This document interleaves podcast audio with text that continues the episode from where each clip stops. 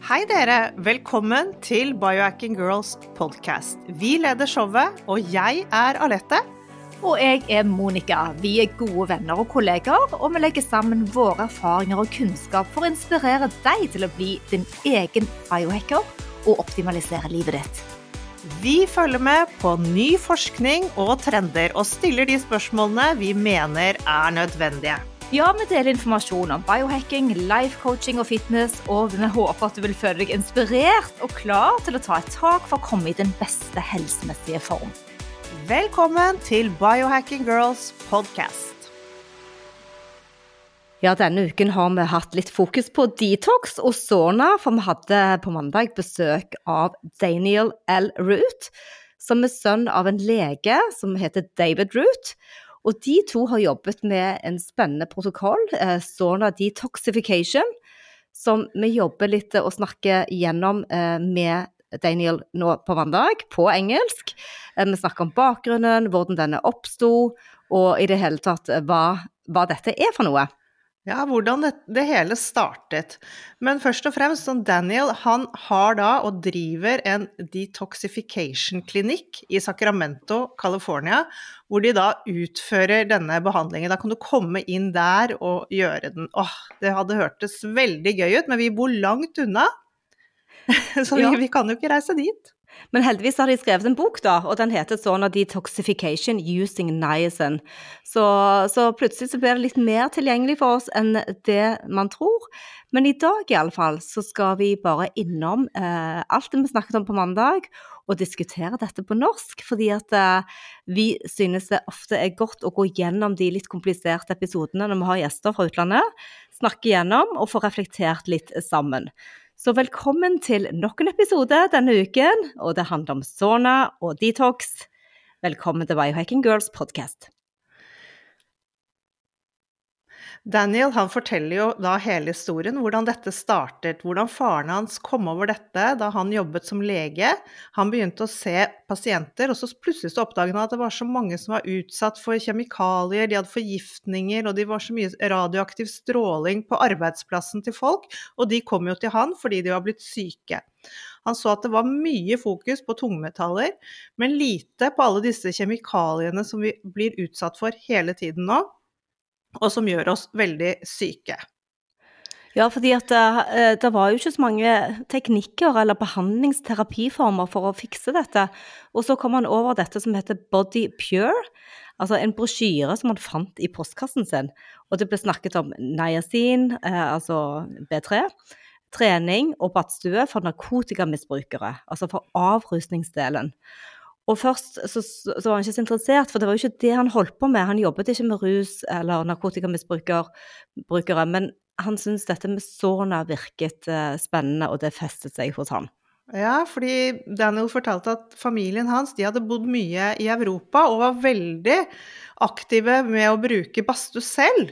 De visste veldig mye om dette her. Og så drev han faren da og tenkte og tenkte på dette her, og så tok han kontakt med denne Body Pure. Han glemte ikke denne brosjyren. Og så det viste seg at dette var en gruppe under eh, scientologene, og de brukte denne protokollen, som Hubbard-metoden som den het, med stor suksess på rehab av narkotikamisbrukere.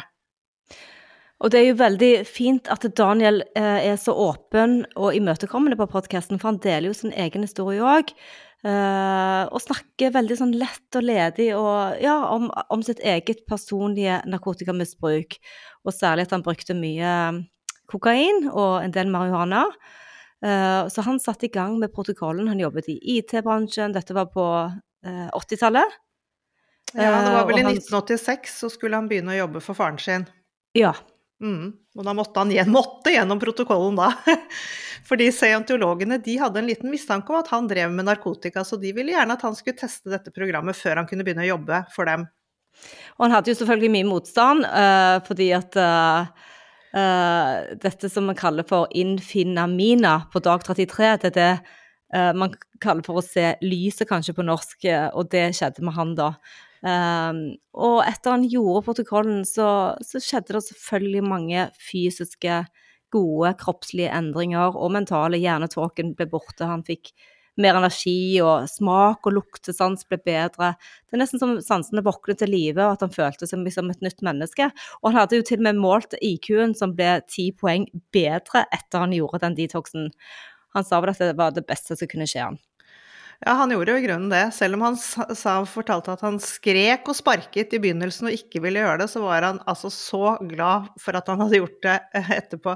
Han Men sa hvor... vel at han var den verste pasienten de noen gang hadde hatt? Ja, ja. Men det var jo veldig bra at han da kunne begynne å jobbe der, og da var han jo selvfølgelig overbevist, så det var kjempebra. Men hvorfor funker denne protokollen på narkotika og alkoholmisbruk? Og det forklarte han er fordi Eh, når man får cravings på sånne ting, så er det oftest toksiner som er lagret i kroppsfettet vårt, i fettvevet. Og når vi gjør da denne protokollen, så forsvinner alle disse restene av eh, narkotikaen, altså disse giftene, når de forsvinner ut. Eh, avgiftningen, så er det, dette, disse cravingene forsvinner. Og dermed så er denne protokollen så bra for nettopp dette. Og de har faktisk 75% suksess med misbrukere av eh, narkotika. Ja, vi snakker òg om en tidligere kunde som hadde brukt LSD for veldig mange år siden. Og han ble litt høy i sånn. Ja. Og for det er sånn som LSD, det kan sitte i fettvevet i 40-50 år. Og det sier jo litt om hvor vanskelig det blir kvitt disse giftene fra fettvevet vårt. Ja, det er helt utrolig. Tenk deg, og tenk deg hvor mye vi er utsatt for hele tiden. Ikke bare av narkotiske stoffer, men andre ting også. Og faren til Daniel, da, han grunnla HealthMed.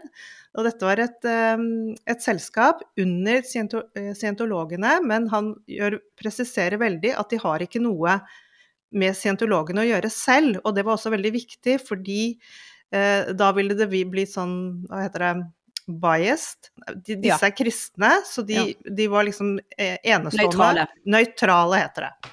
Uh, og de jobbet masse med, særlig etter 9-11, med disse New York Rescue Workers. Der gjorde de en kjempejobb med avgiftning av disse. Og så hadde de disse Tsjernobyl-barna. Og så var det Utah Metcups, alle disse politimennene i Utah som jobbet med sånne metamfetamin busts.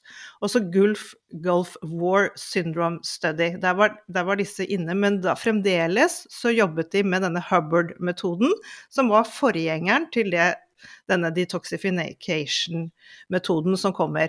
Så i 2013, da gikk de hver sin vei. Da gikk de ut fra scientologene og begynte å jobbe selv. Ja, de skilte lag eh, og tok litt titt under panseret på denne metoden for å se hva de eventuelt kunne forbedre og gjøre selv. Selve Ron Hubbard, da, som, eh, er, som var lederen av eh, og um, initiativtaker til Scientologikirken, han mente at, at det var the flush man får ved bruk av niacin, Altså det var grunnen til at man trengte niacin, altså flushen som man får, den rødmingen som vi kommer litt tilbake til. Og ifølge Daniel så skjønte han ikke helt hvordan hans metode egentlig virket, men Hubbard trodde flushen var lagret solbrenthet som skulle ut av kroppen. Ja, ikke sant. De var, så, så, det var noe av det de da begynte å forske litt mer på senere, når de, når de var fristilte fra denne Hubbard-metoden. Men så går vi inn i um, noe som er ganske interessant, og dette med at vi lever i en sånn så giftig verden. Det er toksiner overalt. Og ifølge et medisinsk leksikon så betyr toksin eh, substanser laget av planter eller dyr som er giftige for mennesker.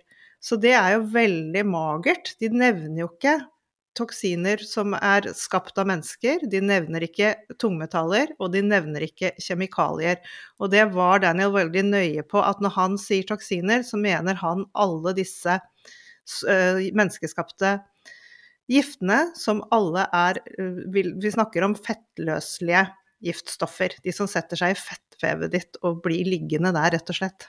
Ja, ikke sant. Og disse vil jo ikke komme ut med svette fordi de er fettløselige og ikke vannløselige. Mm. Og i mm. detoxification-protokollen så går man uh, for å hjelpe uh, talgkjertlene. Ja. Og det er mikroskopiske kjertler som finnes i hårsekkene, og disse skiller ut talg, som er et oljeaktig stoff. Og det er de talgkjertlene som, som vil skille ut de fettløselige giftstoffene gjennom denne protokollen som som han har skrevet om, Mm. og som han praktiserer på klinikken sin. Mm. For det var også de, en av de tingene som i den Hubbard-prokollen som ikke var De trodde at det var svetten, men, det er, men vann og fettløselige ting, de jobber jo ikke sammen, så derfor så fant de ut at det var disse talgkjertlene de måtte bruke. Og så var det jo også tidligere, under Hubbard-metoden, så brukte man tørrbadstue. Det var jo før infrarød badstus tid til denne protokollen. Og det kan man faktisk fortsatt gjøre, men det tar uhorvelig lang tid. Fordi når du sitter i en tørrbadstue, så blir du veldig, veldig varm og klarer ikke å sitte så lenge, så du må inn og ut, inn og ut. Og da kunne denne prosessen ta opptil fem timer. Så det var jo en revolusjon når de kunne gå over til denne infrarøde badstuen i protokollen sin, fordi den med lavere temperatur gir deg den ordentlig deilig kjernetemperaturen som du trenger for å begynne å, å få ut giftstoffene. Ikke sant? Og, og andre ting som ble viktig for å fornye denne metoden, var jo forståelsen av hvordan niacin faktisk virker i kroppen. Eh, prostaglandines er en gruppe biologiske aktive, umettede fettsyrer som har en rekke fysiologiske effekter. Og de har hormonlignende effekter. De gjør sånn at blodårene utvider seg, sånn at flere røde blodlegemer kan komme igjennom. Og det skaper denne røde flushen, den rødmen du får på kroppen din. Histamin blir så frigjort for å se hva som er problemet. Man kan få den der prikkende og kløende følelse. Jeg har gjort det flere ganger, men den gode nyheten er da at dette forsvinner ganske raskt på protokollen. Uh, og det har jeg merket selv òg, Alette, når jeg har gjort flush, at det, det daler på en måte. Den er ikke like eh, aktiv eh, de, altså etter hvert. Nei, for han sa vel det at det tar ca. tre timer, så er det alt det ute av kroppen, den niacin-flushen under denne protokollen. Det sa han Mm. vel. Og den frigjør ca. tre ganger så mye toksiner og tre ganger raskere enn normalt. Og det tar tre timer for niacin å metabolisere og jobbe seg ut av kroppen. Så det er derfor han har òg et oppsett på hvordan man skal foreta eh, metoden, eh, hvordan man skal eh, forberede seg, og når man skal inn i saunaen. Så alt dette skal vi komme tilbake til i en senere episode. For vi er jo i gang eh, med coaching med eh, Daniel Root, oss to, meg og Lette. Så det er veldig eh, Det er jo litt krevende å samle inn alle opplysningene og få gjort dette og praktisert det i de, den lange tiden det tar. Men dere får bare vente tålmodig der hjemme og høre, for det blir veldig interessant for oss å dele den erfaringen etter hvert. Mm. Men vi hadde flere forandringer for Hubbard-metoden, og det Ja. var jo å bruke binders av dette. Ikke sant? Det var også noe de fant ut at det ville jo øke denne hurtigheten av å få ut toksinene. Eh, For det brukte ikke Hubbard. Han brukte kun badstuen, men ingen binders. Fordi det blir skilt ut veldig mye giftstoffer, og dermed så vil jo binders hjelpe denne prosessen. Og vi har snakket mye om binders, så det tror jeg alle vet hva er. Eh, og så har vi mikronisert zeolitt. Det er sånn silikabasert vulkansk eh, aske. Det mente Daniel var den aller beste av bindersene på markedet, og han sa de brukte tonnevis av denne. Men at det er også helt innafor å bruke bentonite clay og activated charcoal. Alle disse bindersene kan brukes, og det bruker man da i ettertid for å hjelpe kroppen til å kvitte seg med giften. For det er jo det som er så viktig med disse giftstoffene, er at de ikke blir sirkulert inni kroppen, inn og ut, inn og ut, men får de ordentlig ut.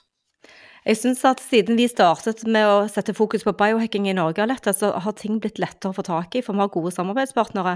Som bare sier at sånn som På Superstate så får du tak i aktivert eh, kull, Mm. og på Easy Choice så får du tak i zeolitt. Altså mye lettere. Vi måtte jo bestille mye fra utlandet bare for to år siden, så, så vi er så heldige å kunne snakke med de butikkene vi jobber med, eh, og de hører på oss, og de henter inn litt produkter. Men hvor kommer alle disse toksinene fra? Dette syns jeg er veldig spennende, og det er enormt viktig at vi vi lager jo litt sånne Instagram-filmer og prøver å få vekke alle, oss inkludert, til å lese labels og til å forstå hva vi spiser, vi putter i kroppen, og hvordan disse tingene påvirker oss. Og jeg tror vi kan ikke repetere det nok, fordi at eh, vi bor i et moderne samfunn, og det finnes, tro det eller ei, over 100 000 kjemikalier. Og bare 10% av disse 100 000 kjemikaliene er testet for om de er trygge på mennesker. Vi puster de inn, og de blir absorbert gjennom huden, og de, de to tingene er de verste. Og vi får det gjennom maten vi spiser, og vannet vi drikker.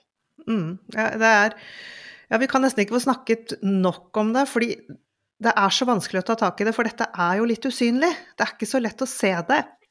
Men vi blir jo syke, det er jo det som er så håpløst. Men det er lett å bare oh, orker ikke å ta den biten, for den syns ikke. Men så er det så mye vi kan gjøre, og vi håper vi inspirerer alle til å gjøre det. Og så gjennom vaksiner og veldig mye medisiner, så får vi også i oss giftstoffer. Vi må ikke glemme det. Det er mange, mange både vaksiner og medisiner med kvikksølv og aluminium i seg. Og det er jo mange som går på. Og så er det gjort store studier på mange, mange, mange mennesker, og det viser seg at vi omtrent alle sammen går rundt med glyfosater fra Roundup i tarmsystemet vårt. Vi er infisert av det. Og det er jo er litt guffent å tenke på, Monica. stakkars leveren vår. Ja, den stakkars leveren vår. Og den gjør jo alt den kan den, for å prøve å bryte ned alle disse giftstoffene. Men du vet, det blir for mye. Uh, og personlig så fikk jo jeg en liten sånn down etter uh, jeg hadde covid. Jeg hadde, ja, Leveren den er ikke laget for å takle disse men menneskeskapte kjemiske giftstoffene. Og den prøver, altså leveren prøver igjen og igjen. Og når det ikke går, så blir det dette, disse stoffene blir da bare lagret i fettvevet. For det, leveren klarer ikke å gjøre jobben. Og det er jo de verste stedene for giftstoffer blir lagret, for det, det vil lekke ut litt og litt gjennom dagen når vi er aktive, og når vi produserer ATP. Og da sirkulerer de rundt, og noen vil komme gjennom og inn til hjernen. Mm. Og kjemikalier som gadolinium, og det er et metall som er en sånn kontrastvæske som man bruker når man tar MR, disse, vi, disse kan finnes både i huden, de kan gå i skjelettet og i hjernen. Eh, og dette blir jo i kroppen så lenge før vi, før vi, Hvis vi ikke gjør noe med det, så blir det bare liggende inne i kroppen vår. Dette og sirkulere rundt, ja. De, uh, og, og det er ja. funnet masse rester av et metall som, som du snakket om, gadolinium. Som, dette ble jo brukt uh, som kontrastvæske uh, når du skal ta en MRI, og disse lagres i huden og i benmargen og i hjernen og i andre fettvev, det som vi kaller for adipose tissue. Mm. Så dette metallet fra kontrastvæsken vil bli i kroppen helt til du eventuelt gjør denne protokollen eller noen andre tiltak uh, for å bli kvitt dem. Og Daniel han sier jo at deres protokoll er den mest effektive til å detoxe akkurat gadolinium. Mm. Og redusere belastningen av dette metallet, dette metall i kroppen. Mm. Ja, han mener vel egentlig at denne protokollen er best på de fleste giftstoffer. At den, den, går skikkelig til verks, og, og, du får ikke den derre uh, den der sirkuleringen om at du, du, får de litt ut, og så går de litt inn igjen. Inn og ut, inn og ut. Men du får alt ut. Og det er funnet ja, masse rester av gladolinium. Og han sier også at du, kan vi ikke ta den fra felleskatalogen med bivirkninger? Jo, den hadde du. Les den opp på dette. Ja, den er, den er litt kul. Uh, og det er reaksjoner på injeksjonsstedet, ekstravasjon, svie, kuldefølelse, varmefølelse, erytem eller det er et utslett, smerte, hematom, huderytem, kløe, inklusivt generalisert kløe, utslett, inklusive generalisert, makuløst, papuløst, kløende utslett. Dette hørtes jo kjempedeilig ut. ja, så alt dette kan være en reaksjon hvis du tar en MRI, da, altså når du får eh, eh, eh, injisert som kontrastvæske. Men det får du ikke beskjed om når du kommer og tar MRI-en. Det eneste man sier da, man viser vel bare til at dette får man ut av kroppen ganske fort. Mm. Og han mener, Daniel Ruth mener at det er så alvorlig at han anbefaler alle folk og si at du er allergisk mot gadolinium når du er hos radiologen. Mm. Og heller bare Fordi at eh, Heller prøve. Du kan fint få det til. Du må ikke ha, det for, du må ikke ha den kontrastvæsken for å få til en skanning.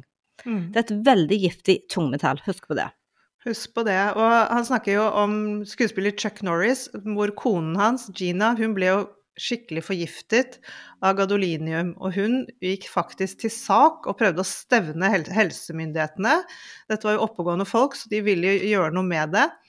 Men de måtte droppe saken, for de som eh, var involverte, radiologen osv., de kunne si at de hadde fulgt helserådene, og dette var standard, så det var ingen ingen eh, grunn for å bli saksøkt her. Så ja, helseråd og stoler vi på myndighetene? Det kan vi jo stille spørsmål ved.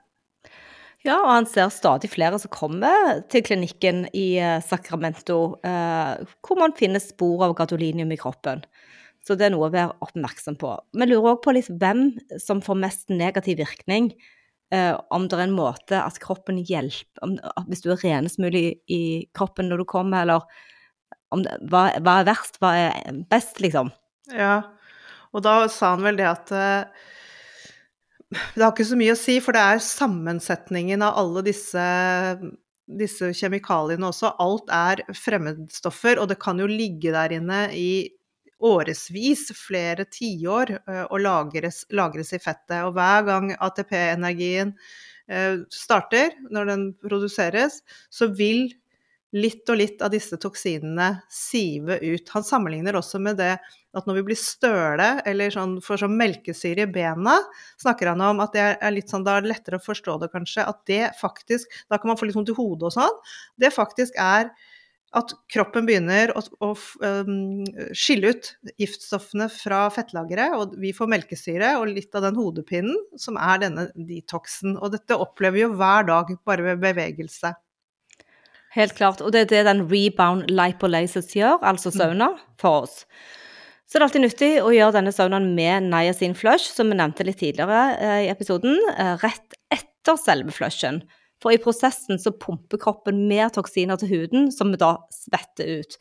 Og Daniel Root han har en fem dagers niacin detox-plan som er tilgjengelig i boken. Um, vi skal selvfølgelig legge link og bilde til boken igjen, sånn at du kan se om du har lyst til å kjøpe den. For det er ikke alle som vil gå all in og gjøre dette for komplisert. For det er en ganske omfattende reise du og meg har lett å holde på med nå, men på en fem dager så tar du da eh, Han foreslår mellom 50 til 100 milligram med niacin. Men dette er veldig personlig. Eh, men du kan starte med en lav dose, og så kan du eventuelt øke på, for folk reagerer forskjellig. Og når du flusher, eller rett etter flushen, så går du inn i sonaen, og du vil få en sånn delvis detox. Men forskjellen er at du kun får dette ut fra blodet, da, i motsetning til hans store protokoll som vi holder på med. Den vil slippe ut tre ganger så mye av de toksinene fra fettet vårt. Mm. Men det er jo en veldig fin, veldig fin start, for det er jo en heftig protokoll. Så hvis man har bare lyst til å teste litt, og så kanskje man kommer litt inn i det, og ja, og øh, vil prøve en stor protokoll etterpå. Alle monner drar. Helt klart. Så vi må tenke på det med toksiner hele tiden. Fettvevet vårt består av det brune fettet og det hvite. Vi snakker om lipolyse, som betyr nedbrytning av fett. Og det hvite fettet Men uansett hvor i fettvevet det er, så vil giftstoffene samle seg. Det spiller ingenting om det er det brune, sunne fettet vårt eller det hvite, eller om det er i leveren din eller rundt organene. Alt fett tiltrekker seg og samler opp disse toksinene. Og det er jo ganske skremmende. Ja, Særlig med tanke på at eh, det går i fettvev at hjernen vår består av 60% fett, uh. så er det faktisk veldig skremmende. Og man kan begynne å se sammenhenger med inflammasjoner i hjernen og andre sykdommer som kommer derav. Så de mm. fleste kjemikaliene vi utsettes for, kan passere gjennom blod og hjernebarrieren. Men de vil òg legge seg i bryster hos kvinner, og der er det mest fett. Han, eh, han, han varsler mange, eh, hvis du er kvinne som enten ammer eller er gravid, eller faktisk planlegger å bli gravid, så må du ikke gjøre denne protokollen. Eh, da bør du eventuelt, hvis du planlegger å, å, bli gravid, så kan du gjøre protokollen eh, tre-fire-fem måneder før, sånn at du er renest mulig. For du har ikke lyst å gi dine egne toksiske belastninger videre til barnet ditt. Så, så, det Ja, for det er vel litt av det han snakker om at uh, det faktisk er ganske smart før du skal begynne å amme og ha vært gjennom denne her, for da vil jo den melken du serverer ditt barn etterpå være kanskje renere, uten toksiner. Mm. Så ja. Så det er bra tips, det var det han sa. Og du skal, da, du skal selvfølgelig da ikke gjøre det når du er gravid heller. Ja, så har vi Xenobiotics, da. Eh, det er en definisjon på Xenobiotics. Det er et biotikum, som er et kjemisk stoff som finnes i en organisme som ikke er naturlig produsert eller forventet å være til stede i organismen. Det kan òg dekke stoffer som finnes i mye høyere konsentrasjoner enn det som er vanlig Mm. Og dette dukker jo stadig opp når vi leser labels på skjønnhetsprodukter bl.a. De er menneskeskapte kjemikalier, syntetiske. Dette er ikke noe kroppen din absolutt ikke kjenner igjen. De er eh, fremmer fettløselige, og de er lagret, for, laget kun for kommersielt bruk. Ikke bra. Og så har du senoøstrogenene. Det er en type, type senohormoner som imiterer østrogen. Det kan enten være syntetiske eller naturlige kjemiske forbindelser. Disse finner man jo i drikkevann, og nå får jo gutter, gutter i seg altfor mye østrogen. Jeg vet ikke om det kommer av det, men ja, og de forstyrrer, sant? det er det mm. du sier, gutter, de ja. forstyrrer det endokrine systemet, altså hormonene våre. Ja. Uh, og det forstyrrer teori, altså stoffskiftet vårt, og BPA-er og fluorid og flere kjemikalier og så er det en um, labeling i USA som heter Prop 65, uh, og Prop står for Proposition 65. Det er veldig stort, uh, og man er pålagt å melde inn produktene sine der, og det finnes over 900 kjemikalier på Prop 65-listen. Og de vet at disse kjemikaliene kan forårsake kreft og skader. Men det er like lite som blir gjort for å beskytte folk for å bli utsatt for det. Men så lenge de har gjort jobben sin med å skrive opp emballasjen, mm. så er de på en måte good to go. Men han sier jo at det er over 100 000 som sagt, kjemikalier i fabrikkering av varer, og bare 10 er testet og sikret for mennesker. Så det er, det er nesten umulig eh, å ikke få denne type toksiske belastningen. Ja, og vi får altfor lite informasjon om hvordan vi skal beskytte oss, kvitte oss med, eller hvordan vi skal, ja, hvordan vi skal jobbe oss rundt alle disse kjemikaliene. Vi vet absolutt altfor lite. Ja. Så har du chelation, da, som på norsk heter kelasjonsterapi. Um, for det, vi lurer jo litt på er det bare sånn det gjelder? Vi må jo tenke litt sånn, det, for han selger jo selvfølgelig sitt produkt. Men uh, nede i Marbella, der jeg gjør IV, der er det veldig stort fokus på chelation. Som da uh, du injiserer i åren da med ja, injeksjon. sant? Og det er en terapiform som er tilgjengelig for folk medisinsk. Uh, du kan få det i Norge på klinikker, men det jobber kun uh, med det som ligger lagret i blodet. Det er kun de tungmetallene dette jobber for. Mm. Men uh, hva, hva, er det du blir injisert med da? Er det niacin? Nei? Nei, det er ikke niacin. Jeg husker ikke nei, helt eh, nei. pakken. Nei. nei. Men det er, det er, i hvert fall en annen, for det, som du sier, det er, det er egentlig veldig fint at vi snakker om også andre måter å detoxe på. Fordi mm. ja, det er, det er, mange måter å gjøre det på, og alle monner drar. Du må liksom ikke gå all in hvis det ikke er tilgjengelig for deg akkurat nå. Men du, vi snakker jo også om drikkevannet vårt. Det har jo vi vært litt opptatt av i det siste. ja, jeg vil bare si det, ja. for, for vi glemte å nevne, for han snakker om dette med sauna eh, eller chelation, sant. Oh, ja. At man kan fint kombinere, kombinere de to terapiformene. For det, det, tror jeg er litt viktig å vite, siden IV jobber på blodet Uh, mens han da faktisk jobber på fettet. Mm. Så det han sa da, at uh, han tenker at uh, når du har fått Når du jobber med begge deler, så, så kommer giftstoffene Når du jobber i sånn igjen, så kommer giftstoffene mer ut av fettet og ut i blodet, og da vil chelation-terapi hjelpe bedre. Ah, så det så kom, støtter rundt ja. den Ja, nydelig. Det er jo helt utrolig bra. Men skal vi snakke litt om drikkevannet vårt, eller? Yes. Ja, jeg vet i hvert fall at i USA så drikker jeg aldri vann fra springen, men jeg har jo vokst opp med at det norske vannet er utrolig bra. og at det er bare å drikke, men eh, er kanskje ikke så bra som vi trodde. Mm? Nei, vannet er forurenset, eh, eller det vil si at vannrensingssystemene er jo ikke skapt for å håndtere alle de menneskeskapte kjemikaliene og tungmetallene. Det er ikke laget for det, så det er egentlig bare laget for å kunne filtrere de, det biologiske avfallet. Mm -hmm. ja. Men eksempel hvis en kvinne da spyler ned noen av sine østrogener i do, altså selv fra urin, så slippes hormonene som kvinnen tar ut i avløpene, så ville disse ende opp i vannsystemet og filtreres ikke fra rensesystemet, da. De klarer ikke å filtrere det. Så mange mennesker blir påvirket av andre, sin, andre menneskers senoøstrogener sånn som du nevnte tidligere, Alette, unge mm. gutter og barn mm. og menn får masse østrogener via drikkevannet, og de kan få mannepupper og i det hele tatt uh, få for mye østrogen. Mm.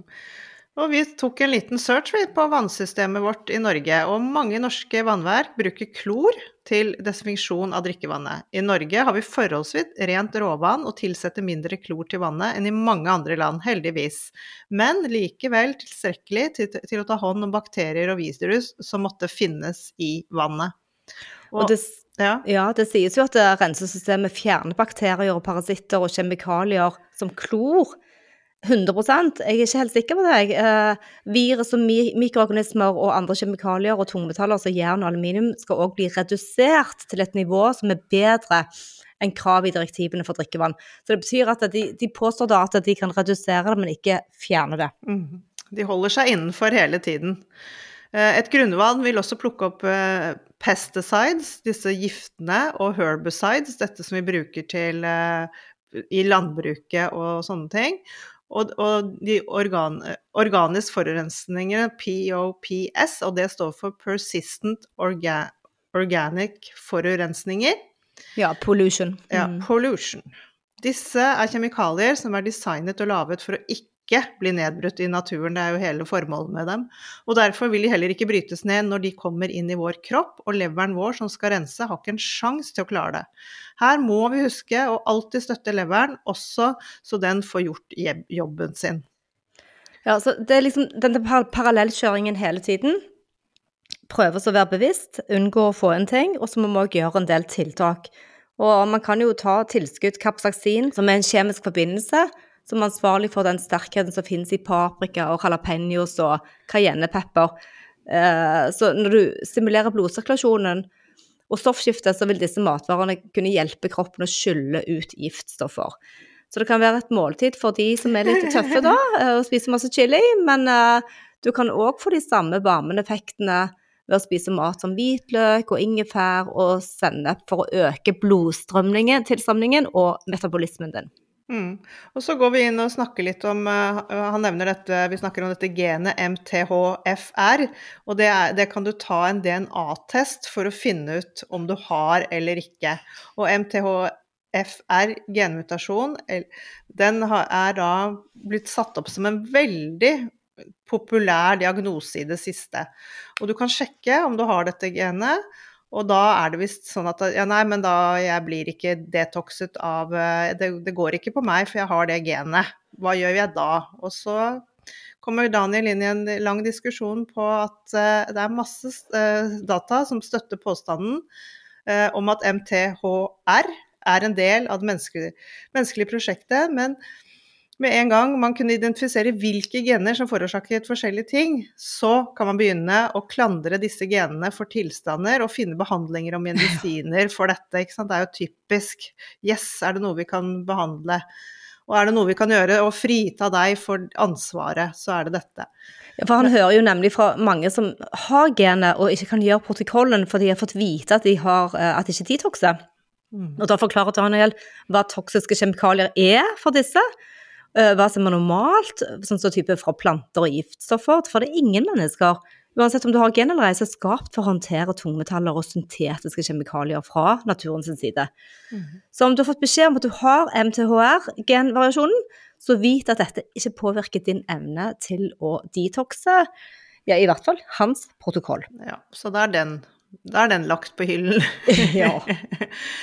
Eh, Daniel Root han er jo lidenskapelig opptatt av denne protokollen. Det er helt herlig å høre på han snakke. Han er med passion, og han har jo faktisk jobbet med dette siden 1986. Og han sier jo det at han uh, føler seg sunnere og bedre enn han har gjort noen gang. Han blir snart 60, han føler seg som en 30-åring. Og vi fikk jo faktisk se han på video, og han ser veldig bra ut. Det må jeg bare si. Hadde ikke en rynke? Ingenting. Og var jo så energisk og ja, full av energi. Og da spurte vi jo hvor ofte gjør du denne protokollen, og hva svarte han da? Jo, han gjorde den ca. hvert andre-tredje år. Men at han var en ihuga badstuetager, og at han gjorde det hver dag. Var ikke det en del av morgenrutinene hans? Jo, det var det. For mm. uansett hvor mye du forsøker å holde deg ren på innsiden og være bevisst på hva du kjøper, så får du dette, som sagt, gjennom luften. Og han snakker også om chemtrails. Vet du hva dette er, Lette? Nei. Nei, for dette, jeg, jeg synes det er litt så... vanskelig. Ja, det, men jeg, jeg mener det var noen Mm. som mente at jeg så dette på himmelen på Bahamas når jeg var der i Thanksgiving i fjor. Og det er de stripene. Ja, der de Mm. dumper eh, belonimimoksid og bariumoksid og ting. Eh, men definisjonen på chemtrails det er en konspirasjonsteori der til, tilhengere som støtter dette, påstår at eh, de kondensstripene fra jetfly det er chemtrails som inneholder farlige kjemiske eller biologiske stoffer, og som da ulike myndigheter bevisst sprøyter over himmelen av årsaker som blir hemmeligholdt for offentligheten. Og det er en teori som oppsto i USA på slutten av 1990-årene. Vi skal ikke ta stilling til det, men eh, det er som sagt en konspirasjonsteori. Men han tenker òg at det er mye mer kjemikalier da som ikke har eh, noe som helst eh, styring på. Ja. og det, det er som sagt eh, ganske usynlig, så vi har ikke peiling, egentlig. Og så er det jo dette med at huden vår er jo som en sånn svamp. Den Ja. drar til seg alt. Og pusten, vi puster jo hele tiden, og dette er jo faktisk de to verste måtene å få, få ting inn på. Og det er jo, vi er jo som åp, åpne, ikke åpne sår, men vi er helt åpne for alle disse giftstoffene hele tiden. Så, Ja, og før 1986, når han gjorde denne første jeg si, testen da, vil ville akkurat til å si avrusning da, men det var første gang han gjorde protokollen, så gjorde han heller ingenting for å beskytte seg, men da var han jo òg i 30-årene, eller Mm. før han ble 30. Og så han sa da at han startet jo på grunn av denne rusavhengigheten sin, ikke fordi han følte han hadde for mye giftstoffer, jeg tror de fleste av oss går rundt og kanskje ikke tenker på det. Man Mm. lever bare og stoler på at alt er bra. Eh, men siden den gang så har jo han blitt en sunnere utgave av seg- sjøl. Men det som er litt trist da for Daniel Brute nå, som vi snakket om, det er jo kona hans som da Ja, Mm. han visste ikke bedre enn han når hun ble syk eh, for en del år siden. Eh, hun ble diagnostisert med hypertyroidisme, det var i 2012. Og de hørte bare på det legen hennes anbefalte, og på den tiden så var det radioaktiv iodin, altså jodterapi. Ja, og, og hun fikk da doser med denne radioaktive joden, og det ødela jo hennes skjoldbruskkjertel. Og det er jo det verste de kunne ha gjort. Og de var jo helt i legens makt, som de fleste er, og tenker at ja, men de vet jo best, og ikke sjekket de noe selv. Og hadde de, sånn som i ettertid, når de tenker på dette her, så hadde de jo funnet, helt klart funnet en annen behandling. Hun ble alvorlig syk etter dette med kroniske smertelidelser. Og, og er nå altfor syk faktisk til å kunne ta denne protokollen, vil ikke virke på henne. Eh, Så det er jo Ja, han var veldig lei seg for dette. Så vi må bare, som biohacker, og dette er vår mission, Alette og meg, altså vi er her for å inspirere og si til deg igjen og igjen at eh, det du hører hos legen, det er ikke nødvendigvis den eneste veien. Du bør sjekke mer. Faktisk så vil vi si det så brutalt at dersom det handler om alvorlig sykdom, operasjoner og kompliserte invensjoner, så anbefaler vi alle å oppsøke minst to eksperter til for å få faglig variasjon på uttalelser. Ikke bare ta det første og det beste. Ta en telefon, gjør mer eh, undersøkelser om du søker på nett eller snakker med folk. Ja, vi må ta helsen i egen, eh, hender. Og siden vi først snakker om dette, så gjelder det også en god del medisiner. F.eks. statiner, som du blir bare lempet på hvis du skulle trenge det. Anbefalt av legen din. Ta deg en ekstra runde. Trenger du egentlig disse? Og hvorfor skal du ta de? Og ikke bare helt blindt stol på det som legen sier. Ja, og til slutt så sier da Daniel Brute at hvis det var et par ting de kunne ha gjort selv istedenfor denne skadelige behandlingen på kunden, så var det å stoppe å spise prosessert mat, og da tenker jeg at han kanskje var litt mer eh, tonedøv i forhold til det, for han nevnte i fleng med processed food og junk food, og, og erstattet den med ren mat og forbedre inntaket generelt sett. Det andre han nevnte var å detoxe, men på den tiden så hadde vi ennå ikke etablert sitt aktive detox-senter, og det var jo delvis av det vi snakket om innledningsvis, eh, fordi de var jo akkurat midt oppi det da hun ble syk, så var de i dette redningsprogrammet som pågikk i kjølvannet av 9-11.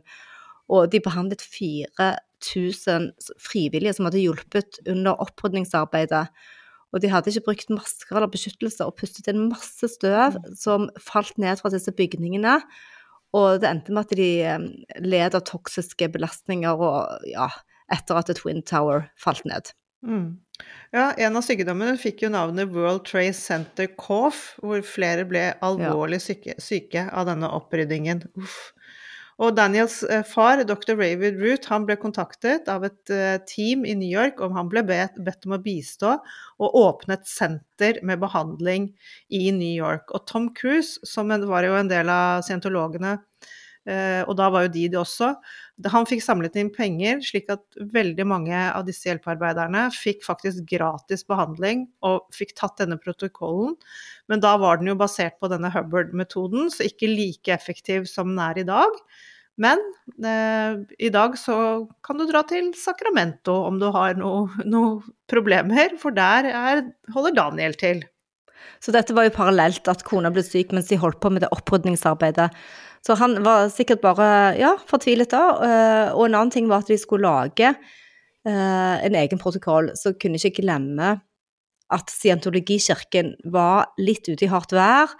Eh, de hadde troverdighet, men i noen kretser.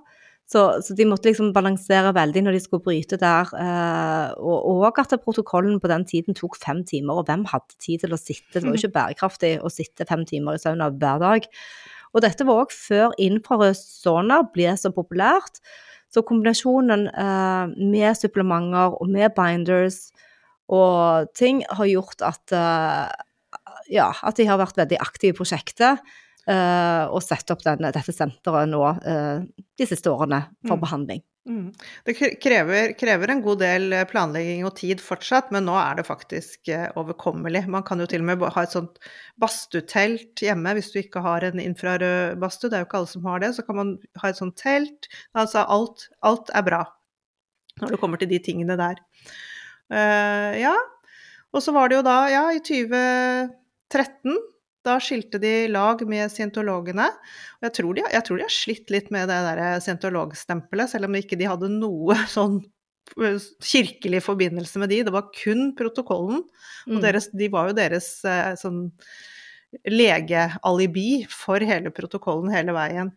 Så ja. Det var vel her vi avsluttet med Daniel? Ja, eh, ikke sant. Og så at de fikk en niacin da òg. Mm. Eh, og denne rebound lipolysis som skjer da etter 50 minutter. Vi skal jo selvfølgelig gå veldig dypere inn i selve protokollen, som vi har nevnt flere ganger da.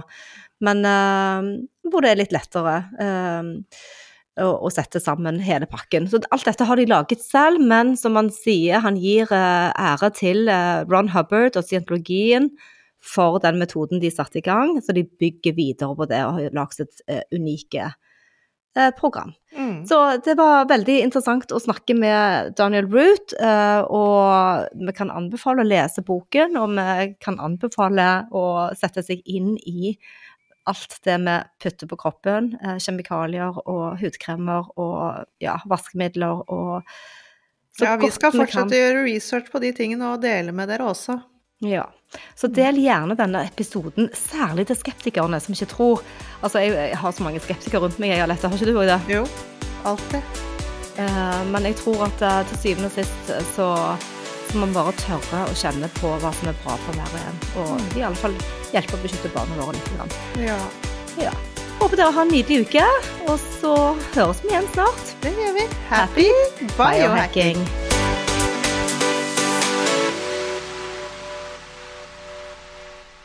Vi minner om at dere må snakke med egen lege eller kostholdsveileder om dietter og andre spørsmål relatert til medisiner og supplementer. Informasjon vi deler kan ikke bli brukt til å diagnostisere, behandle, forebygge eller kurere noen sykdommer eller tilstander.